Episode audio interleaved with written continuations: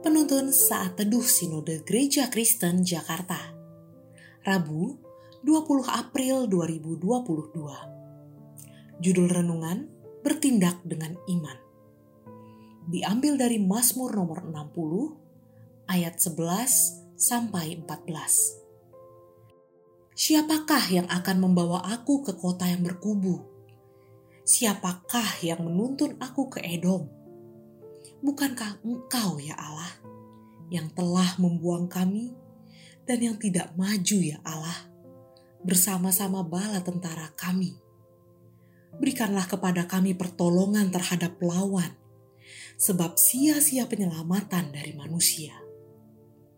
Dengan Allah akan kita lakukan perbuatan-perbuatan gagah perkasa, sebab Ia sendiri akan menginjak-injak para lawan kita.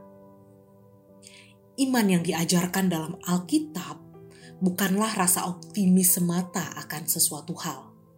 Bukan pula sikap mental positif yang diperlukan untuk menghadapi masa-masa sukar dalam hidup ini. Sebaliknya, iman yang alkitabiah adalah memercayai apa yang Tuhan katakan dalam firman-Nya dan bertindak atas kepercayaan itu bangsa Israel sedang mengalami kekalahan dan berada di bawah bayang-bayang kehancuran. Serangan bangsa Edom di selatan wilayah Israel sangat dahsyat. Sementara Daud saat itu sedang mengalami gempuran di utara melawan bangsa Aram.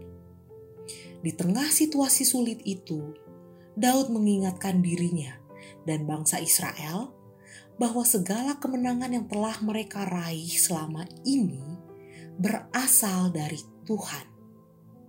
Oleh sebab itu, kali ini pun mereka harus berharap kepada Tuhan dan bukan yang lain. Lewat nubuatan, Tuhan menjawab permohonan mereka bahwa Tuhan akan memberi mereka kemenangan atas Edom. Dengan menyebut kota-kota di zaman nenek moyang Daud, Sikem, Sukot, Gilead, Manasye, Efraim, Yehuda, Tuhan mengingatkan tentang janji-janjinya sejak dahulu kala. Dengan percaya sepenuhnya akan janji Tuhan dalam firman-Nya, Daud bertindak dengan iman. Daud mengutus Yoab berperang melawan bangsa Edom di lembah Asin Daud melanjutkan pertempurannya melawan Aram di utara dan kemudian menyusul Yoab dan meraih kemenangan bersamanya di selatan. Percaya bahwa Tuhan sanggup menolong kita dan memberikan kemenangan adalah hal yang benar. Bertindak dengan iman adalah bukti seberapa besar percaya kita kepada Tuhan.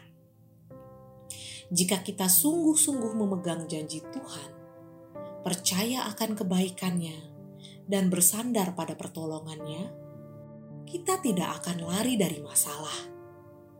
Kita juga tidak akan menyalahkan situasi atau orang lain.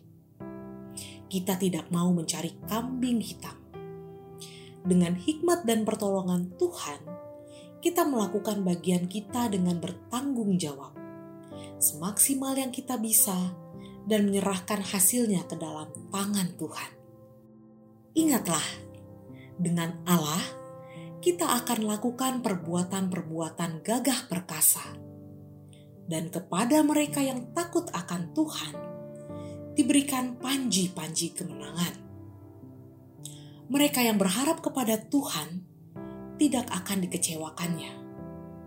Dan mereka yang bertindak dengan iman akan mengalami kemenangan yang sudah disediakannya terpujilah nama Tuhan.